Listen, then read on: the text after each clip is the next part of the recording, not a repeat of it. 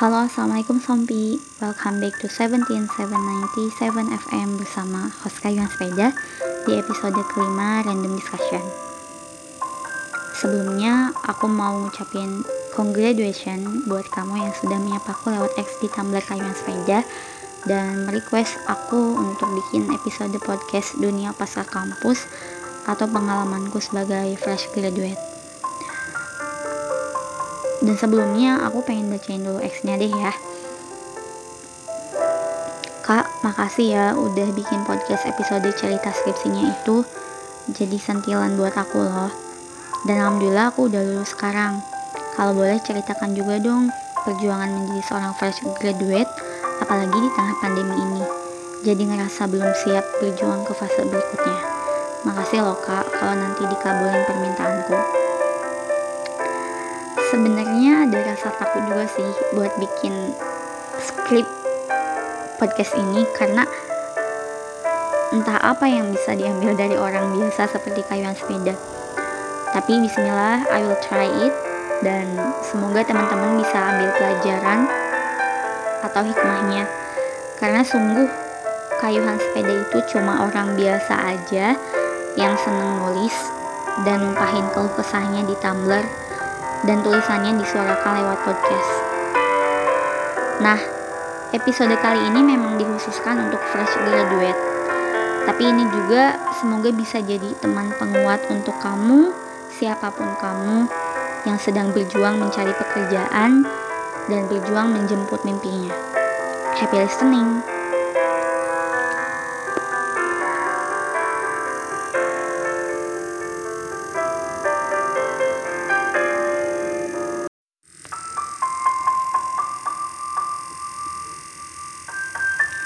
Biar ku beritahu beberapa hal. Ada banyak peristiwa tidak terduga yang akan terjadi setelah menikmati masa-masa kuliah yang dulu mungkin hanya sekedar amanah untuk memeluk buku yang bertumpuk atau amanah organisasi yang kadang menjemukan. Kita mungkin keliru bahwa masa kuliah semester akhir adalah masa yang paling berat saat bertemu dengan skripsi, saat kita dipertemukan dosen pembimbing yang cuek atau penguji yang killer. Ya, kita keliru. Jauh dari hal itu, ada yang lebih berat. Adalah saat kita dihadapkan dengan dunia pasca kampus. Gerbang di mana tak semua akan beruntung setelah lulus. Ada yang langsung bekerja, atau mungkin ada yang langsung melanjutkan studinya ke jenjang yang lebih tinggi lagi. S2 atau S3 misalnya. Ya namun inilah kehidupan. Di luar sana ada yang masih berjuang mati-matian untuk melepas status fresh graduate-nya selama beberapa bulan. Hmm, tidak. Bahkan ada yang setahun ah enggak juga sih. Bahkan ada yang hampir genap 2 tahun. Hmm, ada juga yang bahkan 3, 4 atau mungkin sampai 5 tahun. Seperti layaknya drama yang tidak bisa dipercaya. Ya tapi inilah memang kenyataannya. Bukankah skenario drama juga selalu terinspirasi dari kehidupan nyata? Meski dihiperbolakan sih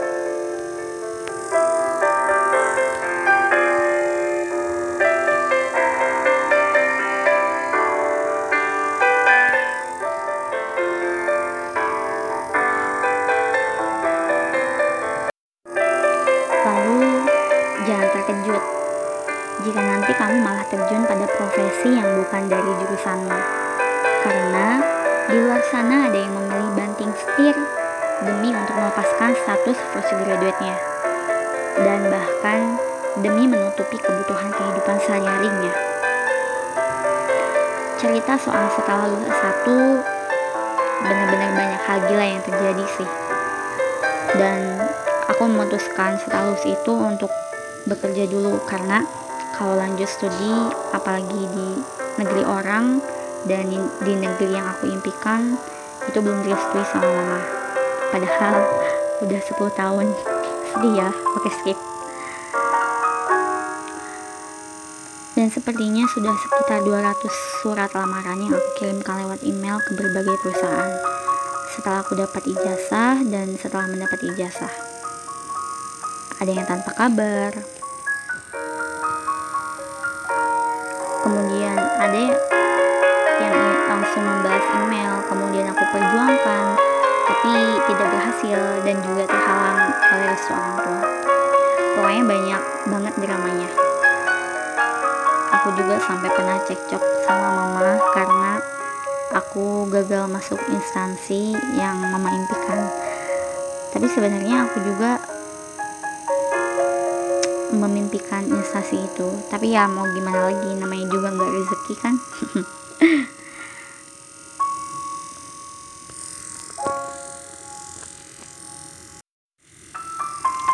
Terus um, aku mulai nyalahin mama waktu ada panggilan di salah satu perusahaan pertambangan mama gak ngizinin. Tapi waktu gagal masuk instansi BUMN ya mama agak kecewa. Aduh mama maafin ya. Tapi ini pasti takdir terbaik kok dari Allah. Pertengkaran ini membuat aku memutuskan untuk kabur ke Jogja selama 20 hari. Nah jadi keluarga tuh gak ada yang tahu kecuali kakak keduaku dan parahnya aku ngeblok semua nomor keluarga Wah, jadi pengakuan dosa nih. Aduh, please ya jangan ditiru. Nah, di Jogja ngapain? Tentu aku nggak main. Tapi sebenarnya meskipun banyak mainnya sih. Dan kodarullahnya aku juga ada interview di salah satu perusahaan. Makanya aku ke Jogja, tapi nggak bilang. Jadi ya tetap jatuhnya kabur. Menariknya dari awal berangkat sampai pulang, aku dinasihatin. Nggak dinasihatin, aku di kasih wejangan oleh orang-orang yang aku temui di jalan.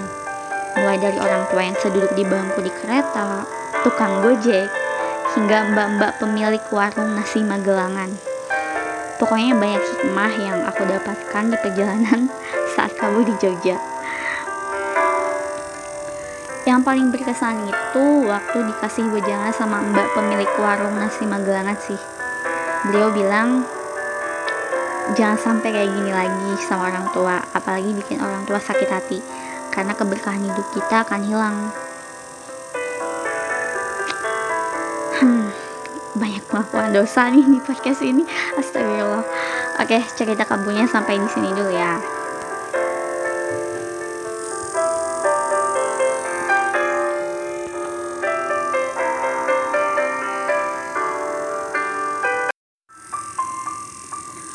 kondisi kita pasti berbeda.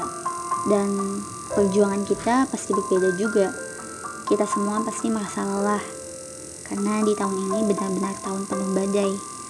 Karena Allah ngasih ujian pandemi COVID-19 aku yang lulus Agustus tahun 2019 pun merasakan hal yang sama.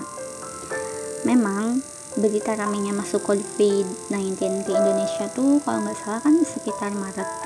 Tapi sayangnya aku tuh udah berani-beraninya memutuskan untuk resign di perusahaan pertama tempat aku bekerja. Jadi Allah setelah menunggu 4 bulan melepaskan status menjadi mahasiswa aku kerja di salah satu perusahaan farmasi. Tapi sayangnya itu nggak bertahan lama cuma dua minggu kerja di sana karena farmasi bukan passion aku. Dan oh ya FYI kalau aku ini lulusan kimia ya. Terus ditambah budaya kerja yang menurutku toksik dan aku ngerasa kayak kerja rodi gitu.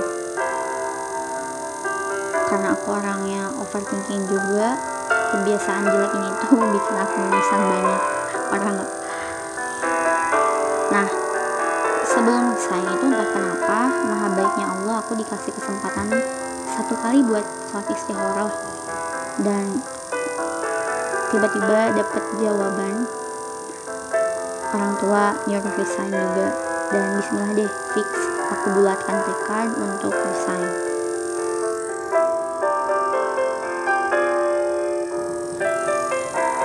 dan empat bulan aku jobless lagi. Anehnya aku selalu ngegap 4 bulan terus kalau nunggu kerja setelah resign. Gak tau kenapa sih. Yang dirasain ngegap selama 4 bulan itu tuh kayak gini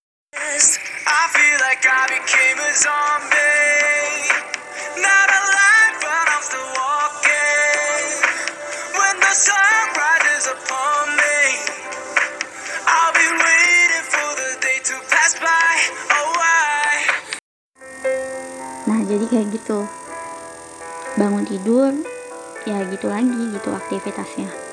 Terus pernah tuh tiba-tiba nangis nggak jelas. Ngerasa insecure ngeliat teman-teman yang udah nyuri star lebih dulu dan lebih jauh banget berlarinya. Terus ngerasa nggak berarti juga. Dan hingga ngerasa juga kalau ilmu tuh ya sia-sia gitu. Kasihan ke orang tua yang udah ngebiayain kuliah. Ya pokoknya nano-nano gitu deh rasanya. Dan kalau kamu lagi ngerasain kayak gini sekarang ingat ya semua akan berakhir kok pasti. Karena kejadian hari ini tuh bukan kita yang mau tapi Allah yang takdirkan dan kasih ini. Dan kita nggak bisa nyalahin siapa pun.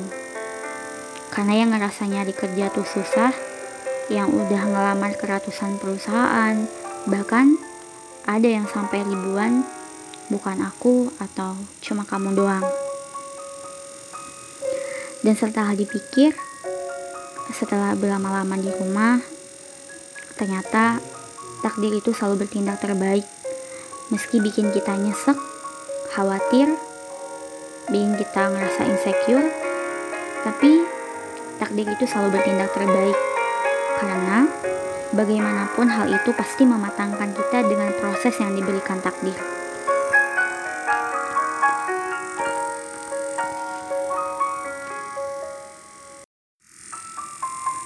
Dengan segala keterbatasan kita saat ini, di tengah pandemi ataupun kondisi fisik, hal yang kita pegang ini yaitu bisa mengakses internet adalah sebuah jalan yang sangat potensial untuk kita bisa mulai bekerja.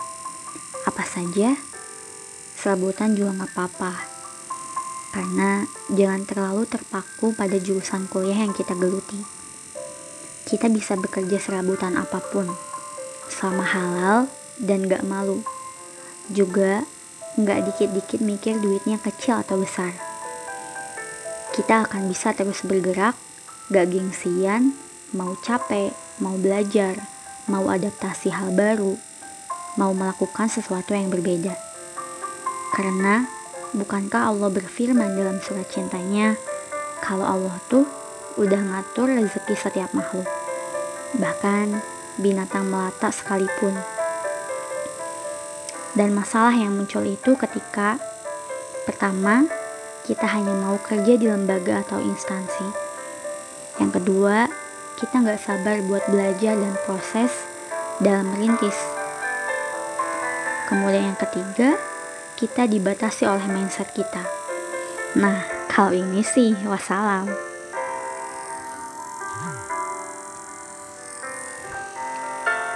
Ya, sekali lagi tahun ini penuh badai. Kita merasa bahwa kita tidak berkembang pesat dibanding orang lain, dibanding teman-teman kita. Tapi tahu nggak sih, kalau kemampuan bertahan kita tuh jauh lebih baik. Oke, mungkin teman-teman kita sudah bekerja di perusahaan besar, atau di ibu kota dengan gaji yang besar, atau mungkin melihat teman-teman kita yang sudah melesat melanjutkan pendidikan ke jenjang yang lebih tinggi. Tapi aku merasa Allah tuh tetap adil kok. Karena perumpamaan itu kayak gini. Waktu tuh seolah-olah terhenti. Dan ketika teman-teman kamu sudah bekerja, melanjutkan kuliah S2 atau S3, mereka juga sama-sama nggak bisa full offline mengerjakan segala sesuatunya. Dan hal ini menjadi momen untuk kamu tetap bisa mengupskill lewat daring juga. Ya, mungkin betul mereka dapat uang sedangkan kamu enggak. Tapi yang membedakan adalah kemampuan bertahan kamu jauh lebih kuat Dan ketika kamu merasa gagal, sudah berjuang melamar ke berbagai perusahaan, tapi akhirnya bukan kamu yang terpilih, ingat bahwa orang-orang yang mengalami beberapa kali kegagalan itu cenderung lebih mempunyai kemampuan inteligensi emosi yang kuat. Dan di masa pandemi ini, bisa jadi batu loncatan untuk kita mengupskill dan menyelami hal-hal yang positif juga.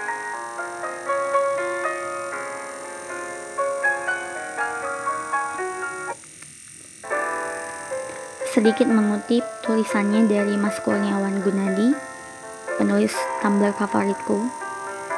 Beliau bilang, kita bertahan itu tetap berkembang. Karena kemampuan bertahan itu termasuk skill. Sebab kondisi saat ini memang benar-benar menempa kita. Dan kemarin juga aku sempat ikut kajian online dari Ustadz Umar Mita.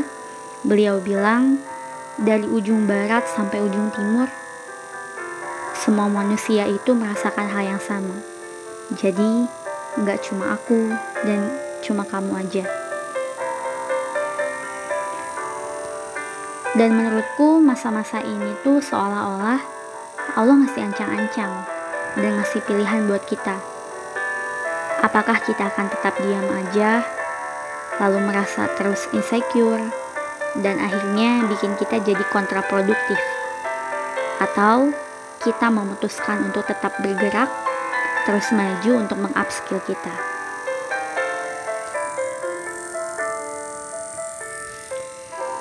Sebab aku percaya satu hal, bahwa sebiasa apa pun kamu dan semerasa kecil apa pun kamu, kamu tetap bisa melakukan hal-hal yang besar seperti sepeda yang dianggap biasa saja, bukan?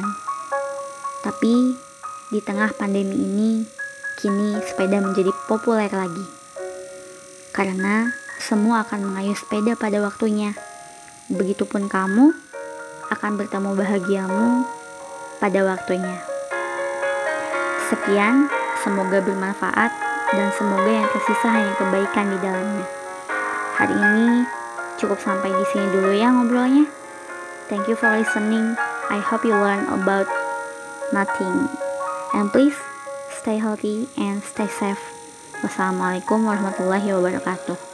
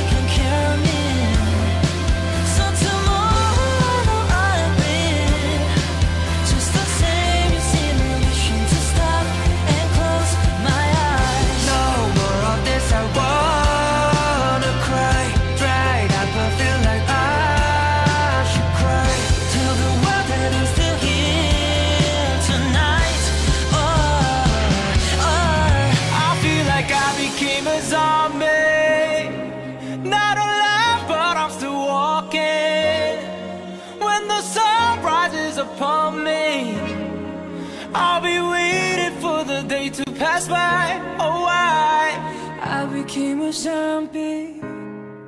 And there's nothing that can cure me. So tomorrow I know I'll be just the same. You'll see me wishing to stop and close my eyes.